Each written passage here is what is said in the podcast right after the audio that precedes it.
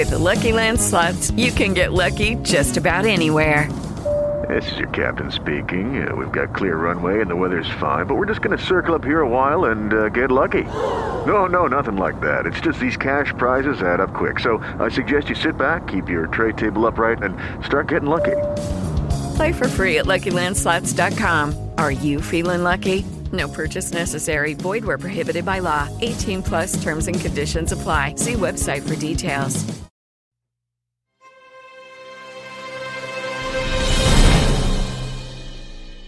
Merhaba. Bu videoda oldukça detaylı bir şekilde 91. Akademi Ödüllerinden zaferle ayrılıp en iyi film, en iyi yardımcı erkek oyuncu ve en iyi senaryo dallarında Oscar kazanan Green Book ya da bizde gösterime girdiği adıyla Yeşil Rehberi ve bu filmin üzerinde dolaşan kara bulutları konuşacağız. Yani e, bu film neyin nesidir ile başlayıp öyküsü ne kadar gerçeklere dayanıyor, e, Oscar'ı cidden hak etti mi, başta Spike Lee olmak üzere bazı siyahi çevreler bu filmden neden nefret ediyor gibi sorulara yanıt bulmaya çalışacağız. Aslında sinema dünyasını baz alarak ırkçılık, pozitif ayrımcılık ve hatta aşırı milliyetçilik gibi hassas konuları biraz kurcalayacağız. Yalnız e, sanırım hasta olmak üzereyim. Sesim biraz çatallaşmış durumda ve bu video oldukça uzun sürecek. Umarım tahammül edebilirsiniz. Şimdi Green Book 2018 yapımı bir Peter Farrelly filmi. 1962 yılında geçiyor ve siyahi bir piyanist olan Don Shirley ile onun şoförlüğünü yapan bir beyazın sıra dışı arkadaşlığını konu alıyor. E, başrollerinde Viggo Mortensen ve Marshala Ali var. E, film gerçek olaylardan esinlenmiş ve senaristlerinden Nick Vallelonga, Mortensen'ın canlandırdığı Tony Lip'in oğlu. E, bu senaryoyu da babası ve Don Shirley ile yaptığı röportajlardan ve babasının annesine yazdığı mektuplardan yola çıkarak oluşturmuş. Filme adını veren Yeşil Rehber de yolculuk halindeki siyahilerin kalabileceği konaklama merkezlerini ve e, siyahileri kabul eden restoranları listeleyen bir kitapçık. Buradan da anlaşılacağı gibi e, öykünün geçtiği yıllarda ne yazık ki Jim Crow kanunları geçerli ve bazı işletmeler sadece derisinin rengi nedeniyle kimi insanlara hizmet vermeme gibi saçma sapan bir hakka sahipler.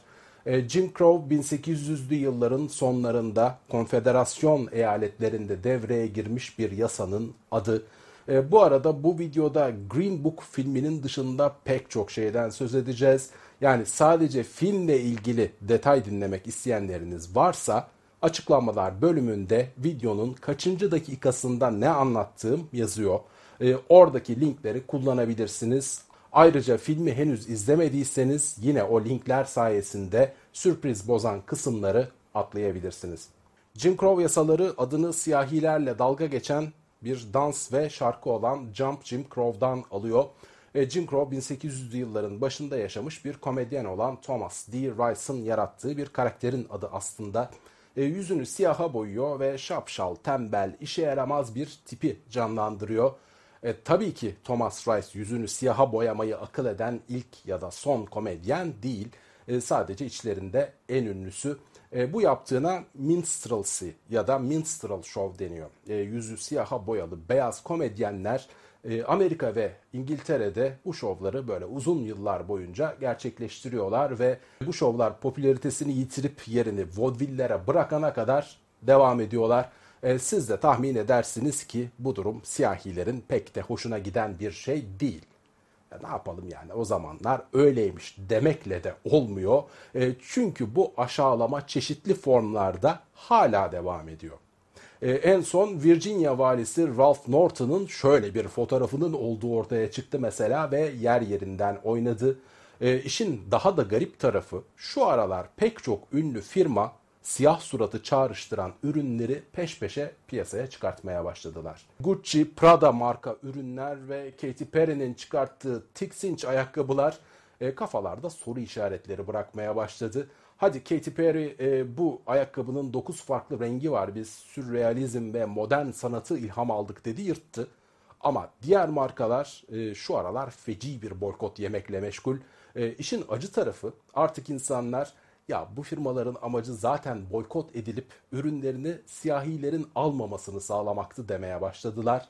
haklı olabilirler. E, Gucci bir zenginlik göstergesi olduğundan e, züppelik peşindeki rap şarkıcıları tarafından çok tercih ediliyor.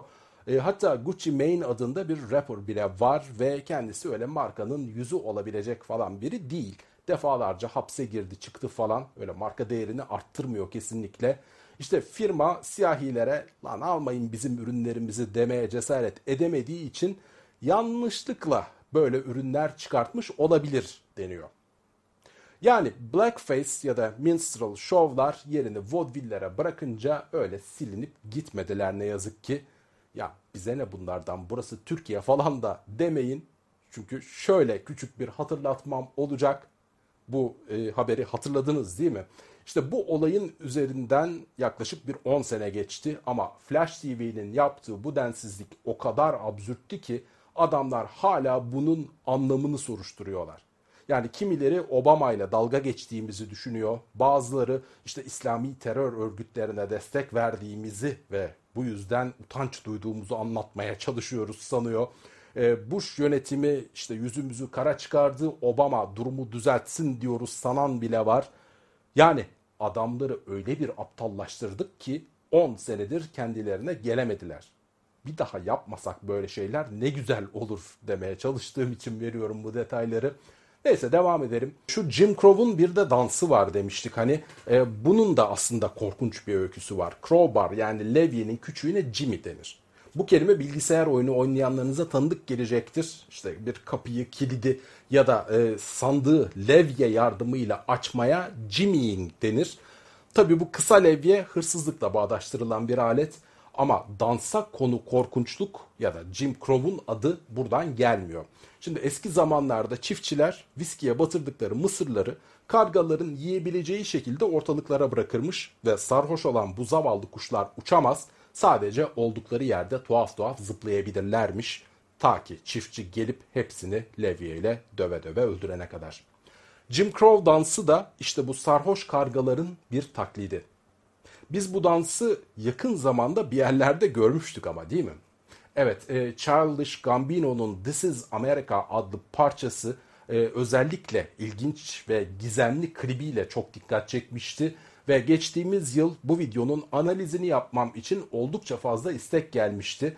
E, şimdilik sadece buradaki pozun ve dansın Jim Crow göndermesi olduğunu hatırlatacağım. Çünkü e, bu klip başlı başına bir incelemeyi hak ediyor. E, bu videonun içinde kaynayıp gitsin istemiyorum. Vakit bulabilirsem onu da bir ara böyle uzun uzun incelemek isterim. E, bu arada içinizde e, zenci lafına fena halde takılanlar var.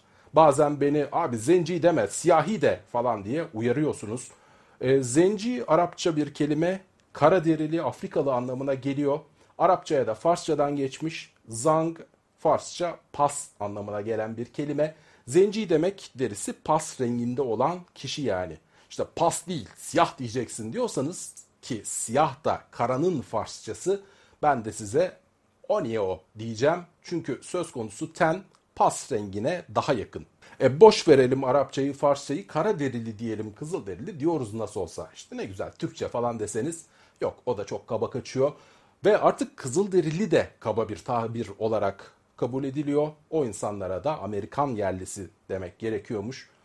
E ne diyeceğiz biz bu insanlara? Yani Afro Amerikalı de diyenler var. E, herif İngilizsen olacak diyorum.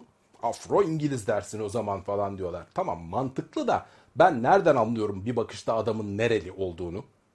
Yani sözünüzü arkadaşlar önemli olan niyetinizdir. Yani bakkalında negro diye bisküvi satılan bir milletiz. E, bence onda da bir sakınca yok aslında. O da siyahın latincesi sonuçta. E, hatta 1960'lı yılların ortalarına kadar negro en kibar tabir olarak düşünülürdü. E, mesela Martin Luther King o meşhur benim bir hayalim var konuşmasında kendini negro olarak tanımlamıştı. Yalnız e, yine o dönemin çok önemli figürlerinden olan Malcolm X bu kelimenin kölelik çağrıştırdığını öne sürüp siyah denmesini tercih ettiğini söyleyince işler fena halde karışmaya başladı. Aslında işler hala çok karışık. O zencilerin dilinden bir türlü düşürmediği, beyazlarınsa asla söyleyemediği ve çok çok N-word yani ne ile başlayan kelime diyebildiği sözcük ki Negro'nun biraz farklı telaffuz edilişi aslında E, tam bir tabu. Hiçbir beyaz bu lafı söylemeye cesaret edemiyor. E, eminim biyologlar falan çok eğleniyorlardır. Çünkü o tabu kelime Latince'de siyahın birebir karşılığı olduğu için adında bu neyli kelime geçen dünya kadar hayvan var. Yani bilimsel bir makalede sincaba sincap diyemiyorsunuz. Eşek gibi oraya e, Scaurus niger yazacaksınız. E, yalnız şimdi fark ettim bu hayvancığın latince adı düşündüğümden daha da korkunçmuş. Boş verin bir şey yazmayın siz. E, neyse. Hello, it is Ryan, and we could all use an extra bright spot in our day, couldn't we? Just to make up for things like sitting in traffic, doing the dishes, counting your steps, you know, all the mundane stuff. That is why I'm such a big fan of Chumba Casino. Chumba Casino has all your favorite social casino style games that you can play for free anytime, anywhere with daily bonuses. That should brighten your day a little. Actually, a lot. So sign up now at chumbacasino.com. That's chumbacasino.com. No purchase necessary. VGW Group. Void were prohibited by law. See terms and conditions. 18 plus. E, Nijer diye ülke var mesela sonuçta ve onun İngilizcesi J ile değil G ile yazılıyor.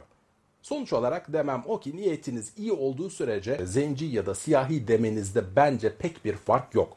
Ve bu konuda bir beyazdan gelen hiçbir uyarı açıkçası beni bağlamaz. Ama çıkar da siyah ırktan biri bana lütfen zenci değil siyahi de derse o zaman ben de fikrimi tabii ki değiştiririm. E, benim en yakın zenci arkadaşım bana Tigger diyor mesela ve öyle Winnie the Pooh fanı falan olduğu için değil. Herif e, sizin de tahmin edebileceğiniz gibi bana Turkish N-word'ün kısaltması bir lakap bulmuş durumda. E, ben kendisine sadece ismiyle hitap ediyorum. Açıkçası diğer türlüsünü gözüm pek yemiyor. Ama e, desem ya da işte ağzımdan falan kaçsa çok da ipleyeceğini sanmıyorum. Dediğim gibi önemli olan niyetiniz. Öyle tutup da harem ağası gibi kölelik çağrıştıran sıfatlar ya da işte gitsin saat satsın gibi aşağılayıcı sözler sarf etmediğiniz sürece karanın Arapçasını ya da Farsçasını kullanmanızın çok da büyük bir önemi yok bence. Ya da en azından şimdilik yok. Dil çünkü canlı bir organizma gibi sürekli büyüyor ve değişiyor. Ee, mesela o kelime de eskiden çok büyük bir problem değildi. Agatha Christie'nin en iyi öyküsü olan 10 Küçük Zenci ilk kez yayınlandığında şöyle bir kapakla çıkmıştı. Şimdi olsa o kitapçıyı yakarlar canım. Ee, 1980'lerde bu eseri Ten Little Indians diye basmaya başladılar. Ee, Amerikan yerlileri ya bize Indian deyip durmayın lan deyince kitap bir kez daha isim değiştirdi ve And Then There Were None adıyla yayınlandı. Şimdi buna da bir şey söylerlerse artık Agatha hortlayıp lan bir bitmediniz diye bağıracak herhalde. Neyse dediğim gibi adı her ne olursa olsun bu kitap bence yazılmış en iyi polisiye romandır. Hala okumamış olanınız varsa bir zahmet gidip okusun ama bence filmlerinden uzak durun. Hepsi çok kötü uyarlamalardı. Hem kitabını hem filmini sevdiğim bir eserle devam edelim ki e, benim videolarıma ilk kez denk gelip tarzıma alışık olmayanlar lan bu herif yeşil rehberden başka her şeyi anlatacak galiba diye küfrü basıp gitsin. E, tamam sabredin. Şu kitaptan da bahsedince Green Book'a döneceğiz. E, sanatın olacakları önceden görmek ve insanları geleceğe hazırlamak gibi bir misyonu var biliyorsunuz. E, Amerikan başkanının zenci olabileceği akıllara bile gelmezken elbette bunu hayal eden sanatçılar vardı. E, mesela 1933 yılında henüz 7 yaşında olan Sammy Davis Jr. Rufus Jones for President filminde Amerikan başkanı olmayı hayal eden bir çocuğu oynamıştı. 1941 yapımı Babes on Broadway'de Judy Garland hem siyahi bir Amerikan başkanı ile ilgili şarkı söylemiş hem de ödümüzü patlatmıştı. Abla bu ne Allah aşkına ya. Neyse 1964 yılında yayınlanmış olan Irving Wallace romanı The Man çok büyük ilgi görmüş ve Türkçe dahil pek çok dile çevrilmişti. E, bu kitap benim dikkatimi sanırım henüz e, ilkokula gittiğim yıllarda kapağı sayesinde çekmişti. Ama e, kaderin garip bir cilvesi e, son taşınmamda benim kitaplar biraz hasar gördü ve bu kitabın bendeki kopyasının kapağı ne yazık ki yırtılıp kayboldu. O yüzden size ancak internetten bulduğum bir fotoğrafını gösterebileceğim. Ee, bizde Başkan adıyla e, basıldı bu kitap ve 1960'lı yıllarda tesadüfen başkan olan Douglas Dillman'ın öyküsü. E, romanda e, Amerikan başkanı ve meclis sözcüsü Almanya'da geçirdikleri bir kaza sonucu ölüyor. E, başkan yardımcısının da ölümcül bir hastalığı var. O da görevi üstlenemiyor ve bu durumda koltuğa Senato Başkan Vekili Douglas Dillman geçiyor. Ama küçük bir problem var. Dillman bir zenci. E, bu e, başkan hem e, işte ırkçı beyazların hem e, zenci siyasi aktivistlerin hedefi haline geliyor. E, suikast girişimleri, iftiralar, komplolar böyle dört koldan üzerine yağarken Dillman adil bir yönetim sergilemek için elinden geleni yapıyor. E, çok küçük yaşta büyük bir keyifle okumuştum ama e, pek bir şey anlamamıştım. İleride tekrar okuyup iyice tadına vardım. Biraz uzunca ama o dönemin Amerikasını çok güzel anlatan bir eser bulabilirseniz okumanızı öneririm. E, Obama'nın başkan seçildiği yıl e, yine bu eser aklıma geldi. E, hakkında küçük bir araştırma yapınca filminin de olduğunu keşfedip çok sevindim. Ama e, ne yazık ki DVD'si falan çıkmadığından bu unutulmaya yüz tutmuş ve çok zor bulunan bir yapım. E, aslında TV için çekilmiş ama e, yapım şirketi nedense sinemalarda gösterilmesinin daha uygun olacağına karar vermiş. E, 1972 yapımı bu filmde başkanı bizim James Earl Jones oynuyor. Nereden bizim oluyorsa. Neyse. E, ben bulmak için yıllarca uğraşmıştım. Aynı acıları sizin de çekmenize gönlüm razı gelmediğinden e, bu filmi izleyebileceğiniz bir YouTube linkini açıklamalar bölümüne koyacağım. E, VAS'den transfer olduğu için görüntü biraz patlak ama idare edin. Gerçekten izlenmesi gereken bir yapım. E, bu saydığım eserlerde de görüldüğü gibi o dönemlerde siyahi bir Amerikan başkanı hayal bile edilemiyordu ama hayat sürprizlerle dolu. E, 2009 yılında Amerika'da ilk kez beyaz ırktan olmayan biri başkan seçildi. E, Wallace'ın romanındaki gibi öyle suikast girişimleri bilmem neler falan filan olmadı. Ama Obama'nın Amerika Birleşik Devletleri topraklarında doğmadığı haliyle başkanlık koltuğunda oturamayacağı iddiası 8 sene boyunca sürekli dillendirildi. Ve 8 senenin sonunda da bu iddiayı en çok diline dolayan kişi olan Trump Beyaz Saray'a kapağı attı ve derhal e, eski başkanın yaptığı her icraatı tersine çevirmek için elinden geleni ardına koymamaya başladı. E, Amerika maalesef ırkçılığı topraklarından atamadığını Charlottesville olayları ile gördü. Başkan Trump'ın göreve başlamasından 7 ay sonra e, kendilerini aşırı sağcı, alternatif sağcı, işte neo konfederasyoncu, e, neo faşist, e, beyaz milliyetçi, neo nazi ve Ku Klux Klan üyesi olarak tanımlayan militanlar ellerinde makinalı tüfeklerle sokaklara döküldüler. Konfederasyon ve Nazi bayrakları taşıyan bu topluluk ırkçı sloganlar atarak eylem yapmaya başladı. E, kısa süre sonra karşıt görüşlü bir grupla çatıştılar ve olaylarda 30 kişi yaralandı. Belki can kaybı olmadı ama özellikle 70'li yıllardan itibaren hızla azalmaya başladığı düşünülen ırkçılığın fena halde hortladığı ve çok tehlikeli sularda yüzülmeye başlandığı anlaşıldı. İşte Black Klansman filminin sonunda gördüğümüz kareler bu Charlottesville olaylarından alınma ve filmin vermeye çalıştığı mesajda ırkçılık belasının bitmek şöyle dursun tehlikeli bir biçimde tırmanışa geçtiği şeklinde. Zaten başta Spike Lee olmak üzere Oscar gecesi siyahilerin delirmesinin nedeni de bu. Black Klansman'ın mesajı Green Book'a nazaran çok daha sert. E, bu film üzerinde biraz daha konuşacağız ama önce şu bizim Green Book'u biraz kurcalayalım. Şimdi e, filmi izlemeyi düşünmeyenler var içinizde biliyorum. E, ya da e, ne olup bittiğini hatırlamak isteyenler için e, kısa bir özet geçeceğim. Sürpriz bozan istemeyenler bu kısmı lütfen atlasın. Tony Lip Vallalonga, e, New York'ta yaşayan İtalyan asıllı bir bar fedaisi.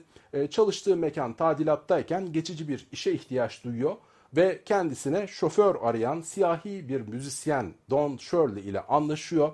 E, piyano virtüözü olan bu adam 8 hafta sürecek Güney eyaletlerini kapsayan bir turneye çıkacak ve aslında aradığı sadece arabayı kullanacak biri değil.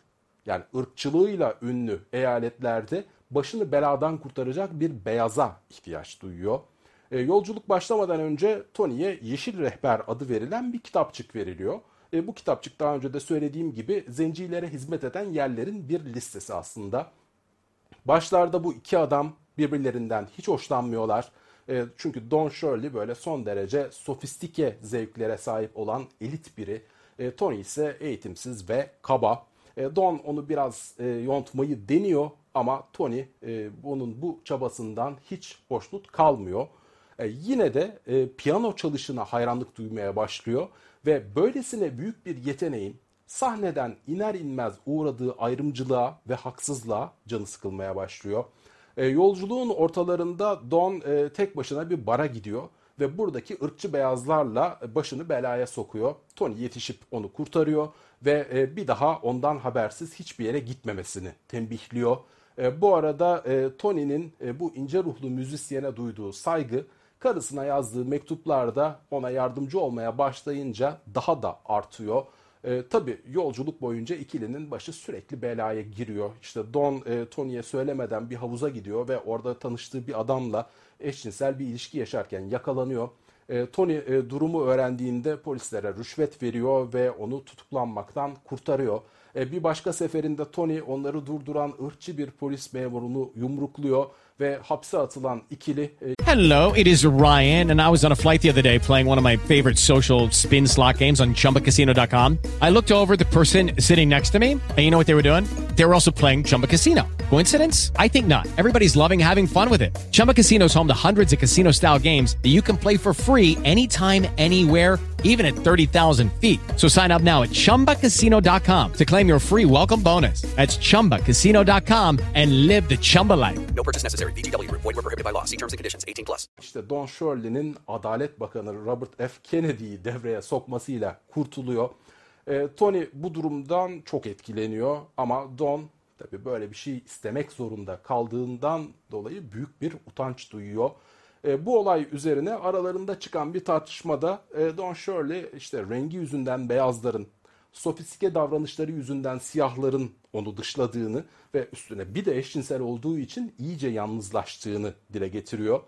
E, turnenin son gününde Don konser vereceği mekanın sadece beyazlara hizmet veren restoranına alınmıyor. İşte Tony işletmeciyi tartaklıyor. Don da konserden vazgeçiyor ve e, böyle bir yerde sahneye çıkmayı reddediyor. E, bunun üzerine Tony onu böyle ağırlıklı olarak siyahilerin takıldığı bir blues barına götürüyor ve kahramanlarımız burada oldukça keyifli vakit geçiriyorlar. Tabi turne bittiği için artık New York'a geri dönüşe geçen ikili kar fırtınasına yakalanıyor. E, Tony yorgunluktan uyuyakalıyor ama Don arabayı kullanıp e, onu ailesinin Noel yemeğine yetiştiriyor. E, Tony onu da yemeğe davet ediyor. İşte Don başlarda kabul etmese de gecenin ilerleyen saatlerinde bu davete icabet ediyor ve Tony'nin ailesi tarafından son derece sıcak karşılanıyor. E, film bittiğinde gerçek Tony Lip ve Don Shirley'nin resimlerini görüyoruz ve ikilinin dostluklarının hayatlarının sonuna kadar 50 yıl boyunca sürdüğünü öğreniyoruz. Şimdi bu film gösterime girer girmez pek çok tartışmayı da beraberinde getirdi. Öncelikle Don Shirley'nin ailesi bu filmden haberdar edilmedikleri ve onay vermedikleri bir senaryonun çekildiği için ortalığı ayağa kaldırdı. Filmin gerçekleri çarpıttığını ve Tony ile Don arasında bir dostluk değil sadece işçi işveren ilişkisi olduğunu söyleyen aile fertleri e, ünlü müzisyenle filmdeki gibi kopuk bir ilişkilerinin de olmadığını öfkeli bir şekilde dile getirdiler. Hatta bunun üzerine maşallah Ali aileyle bağlantı kurup özür dilemiş. Yalnız e, bu özürde küçük bir detay var. Yani Oscar'lı aktör bu filmde oynadığı için pişman falan değil. Sadece sizi incittimse özür dilerim. Don Shirley'nin hala hayatta olan yakın akrabalarının olduğunu bilseydim sizinle bağlantıya geçer ve canlandırdığım karaktere nüanslar eklerdim demiş. Yani hay Allah ben ne halt ettim işte beni affedin falan filan dememiş. Kibarlık yapmış sadece. E, açıkçası ben e, filmin bu anlamda eleştirilmesini çok doğru bulmuyorum. Çünkü e, bu bir belgesel değil her şeyden önce ve gerçek hayat asla öyle filmlerdeki gibi eğlenceli ya da epik sahnelerle dolu falan olmuyor. Haliyle bu tip yapımlarda her zaman mutlaka birçok nokta değiştiriliyor. E, zaten bu film sanatçının Happy Top'u iki ayını anlatıyor.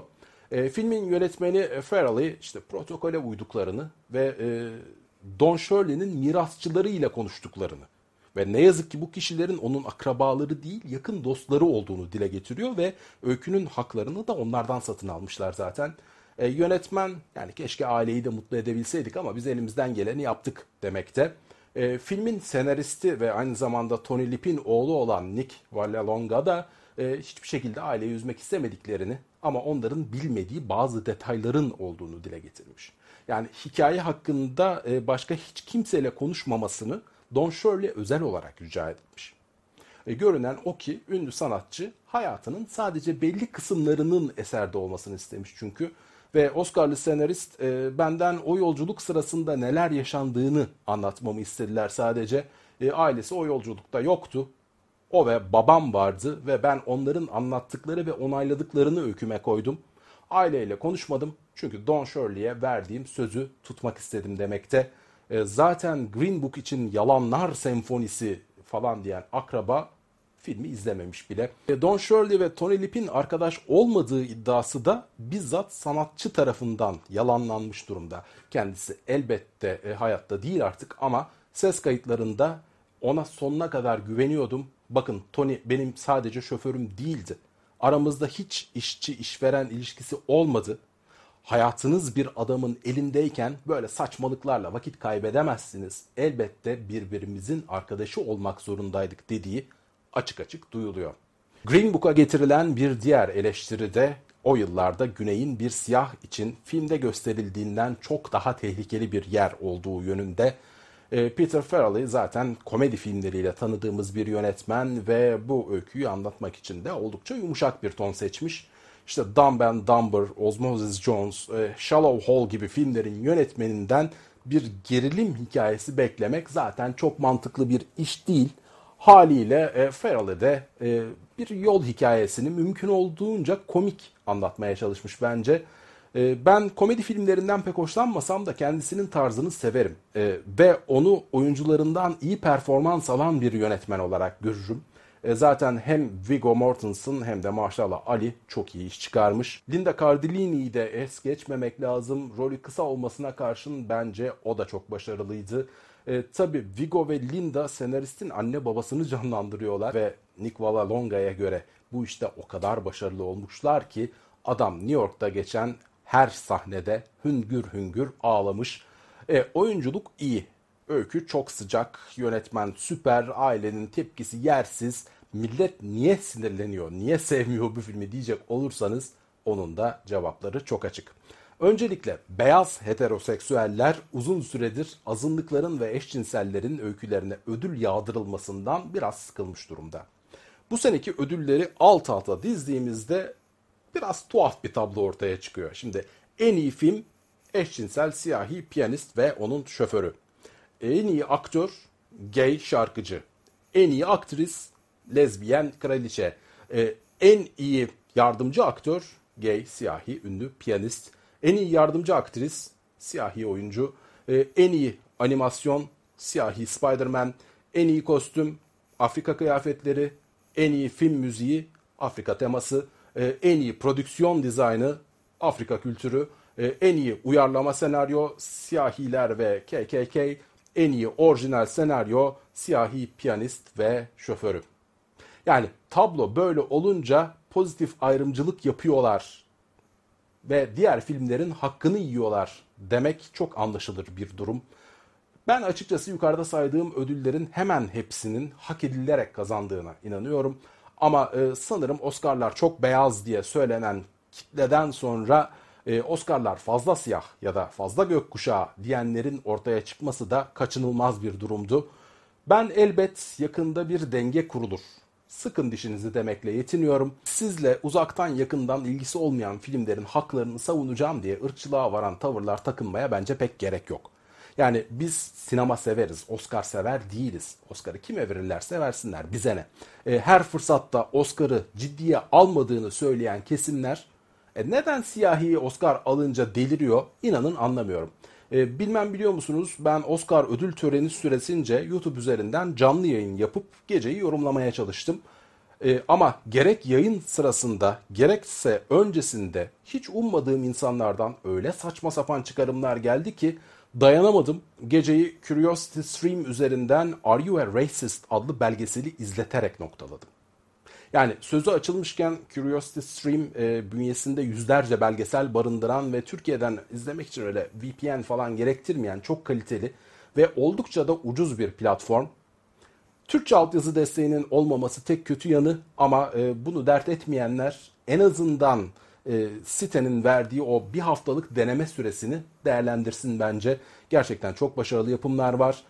Are You a Racist de bunlardan biri. O belgeseli de buradan ya da artık nereden buluyorsanız bulun mutlaka izleyin. E, bu arada e, siyahlar da filmin fazla beyaz olmasından şikayetçi. Yani bir beyaz tarafından kurtarılmaktan bıktık demekteler ve bence çok da haksız değiller. E, akademi bu tuzağa hep düşüyor. Yani başta ırkçı iken birbirlerini tanıdıkça yakınlaşan kişilerin öykülerini akademi çok seviyor ve anında Oscar'ı yapıştırıyor.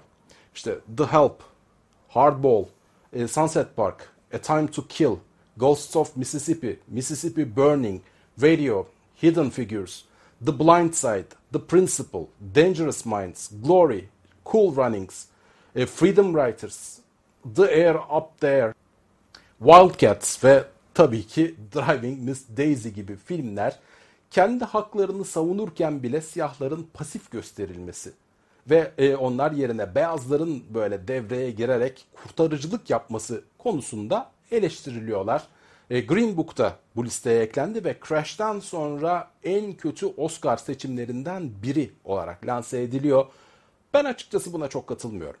Yani fazla soft ve bilindik bir öyküsü var ama Oscar siyah haklarını en iyi savunan filme değil, en iyi filme veriliyor. With the Lucky Land slots, you can get lucky just about anywhere. This is your captain speaking. Uh, we've got clear runway and the weather's fine, but we're just going to circle up here a while and uh, get lucky.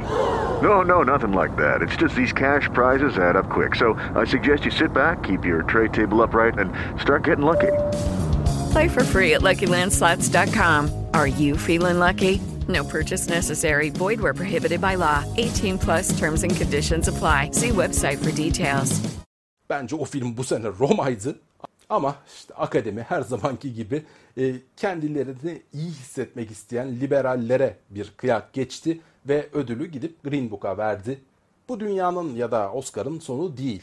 Green Book da dünyanın en kötü filmi değil. E, yalnız Tony'nin Don Shirley'e nasıl siyah olunacağını öğretmeye çalıştığı, işte o Little Richards, Aretha Franklin dinlettiği ve kızarmış tavuk yedirttiği sahneler cidden çok sinir bozucuydu. E, yani ben kuzu eti yemem ve arabesk dinlemem. Ama bir Amerikalı bak Ozan e, bu cağ kebabı bu da Müslüm bunları bil falan dese kafa göz dalarım Allah yarattı demem. E, bu arada e, al şu ödülü günümüzün siyasi kültürünü doğrusuyla yanlışıyla en iyi anlatan filme ver gel deseler ben o Oscar'ı gider e, Sorry to Bother You filmine verirdim. E, bence 2018'in en iyi filmlerinden biriydi. Nedense pek değeri bilinmedi. E, bence bu filmi de mutlaka izleme listenize ekleyin. Yine bence Oscar için Black Klansman daha iyi bir seçim olabilirdi.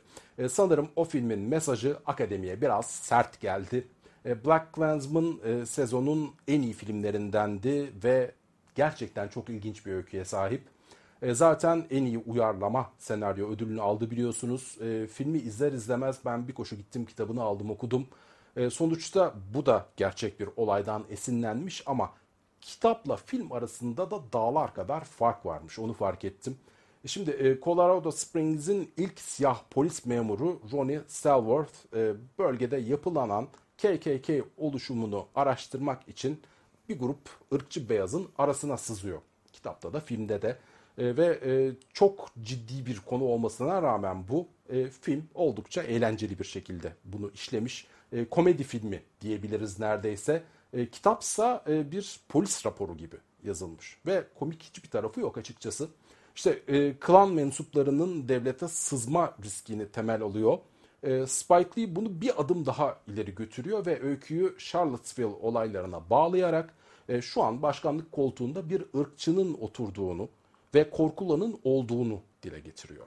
E, filmde kitapta olmayan karakterler var. Mesela ırkçı polis karakteri senaryoya eklenmiş ama kitapta yok.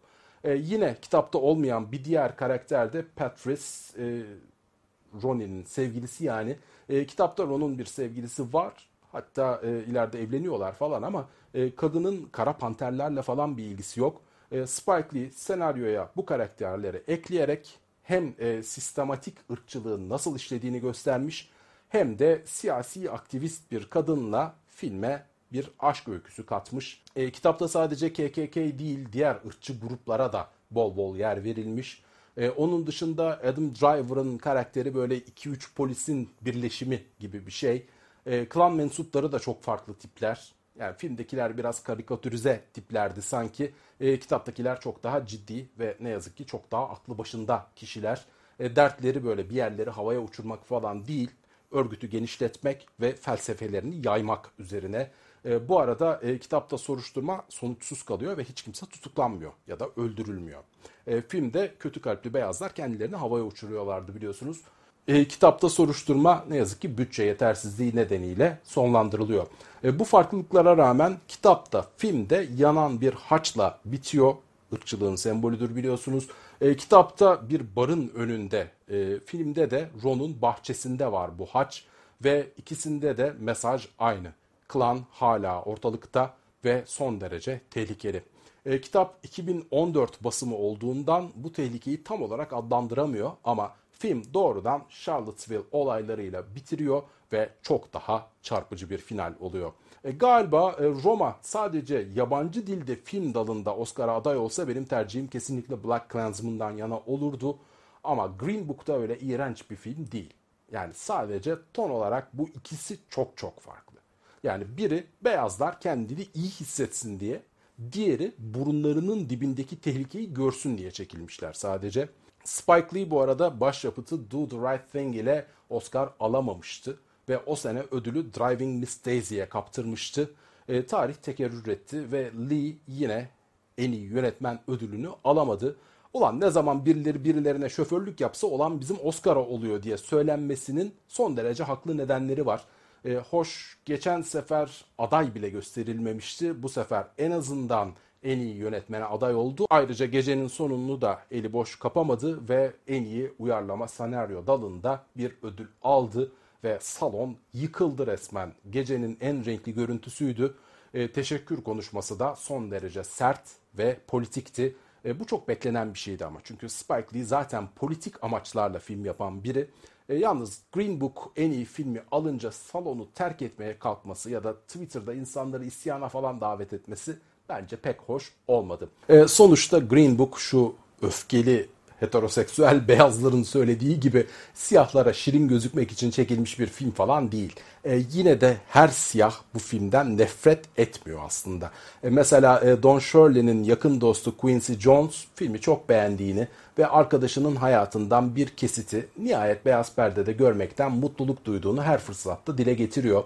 E, genel kanı aslında olumlu ama Green Book'un Oscar yemi bir senaryoya sahip olduğu düşünülüyor. Bu arada videoyu şu Oscar yemi işine bir açıklık getirerek bitirelim çünkü çok dertli olduğum bir konu var.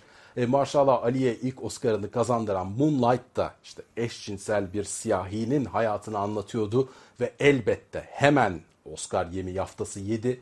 E, o senenin en çok ses getiren filmi La La Land favori gösterilirken Moonlight'ın geceyi zaferle kapatması bazılarınızı çok sinirlendirmişti. Hatta bu film için yaptığım videonun altına efsane yorumlar bırakmıştınız.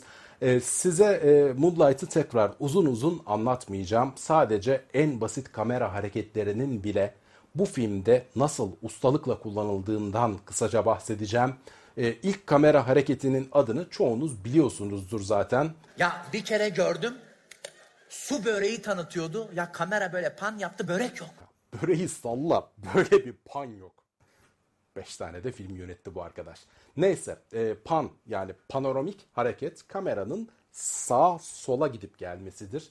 E, işte bu en basit kamera hareketiyle bile anlatıma neler Hello, it is Ryan, and I was on a flight the other day playing one of my favorite social spin slot games on chumbacasino.com. I looked over the person sitting next to me, and you know what they were doing? They were also playing Chumba Casino. Coincidence? I think not. Everybody's loving having fun with it. Chumba Casino is home to hundreds of casino style games that you can play for free anytime, anywhere, even at 30,000 feet. So sign up now at chumbacasino.com to claim your free welcome bonus. That's chumbacasino.com and live the Chumba life. No purchase necessary. VGW Group. Void were prohibited by law. See terms and conditions. 18 plus. katılabileceğini çok güzel gösterebilen bir filmde Moonlight. Üste Little, Juan ve Teresa ile konuşuyor. Altta da artık kocaman adam olmuş Black asla geçinemediği annesiyle.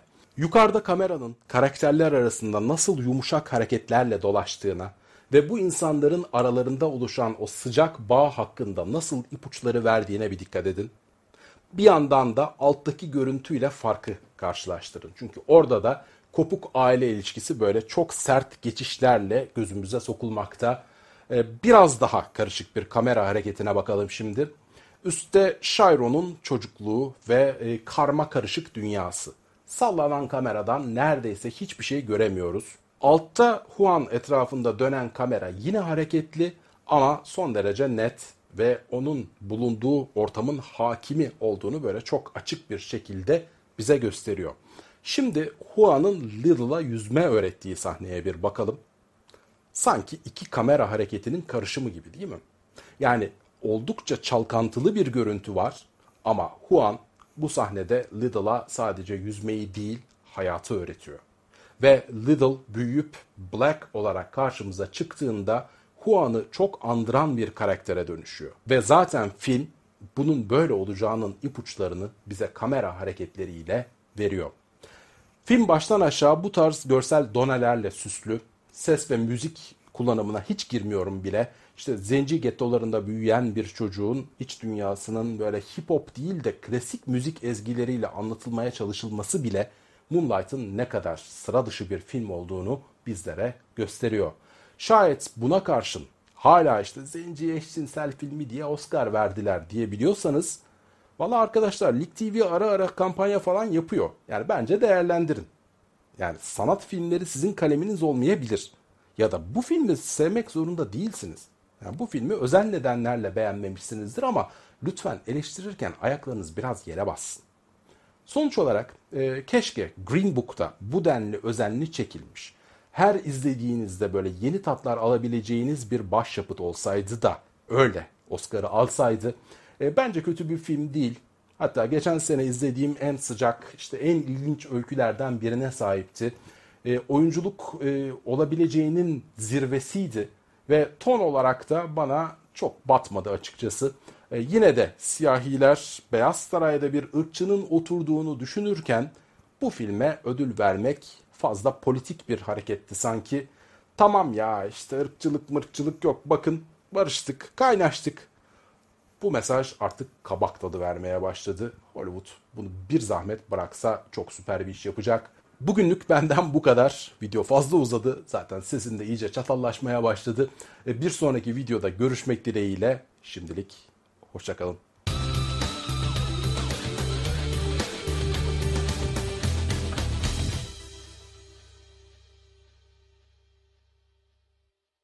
Hello, it is Ryan, and I was on a flight the other day playing one of my favorite social spin slot games on chumbacasino.com. I looked over the person sitting next to me, and you know what they were doing?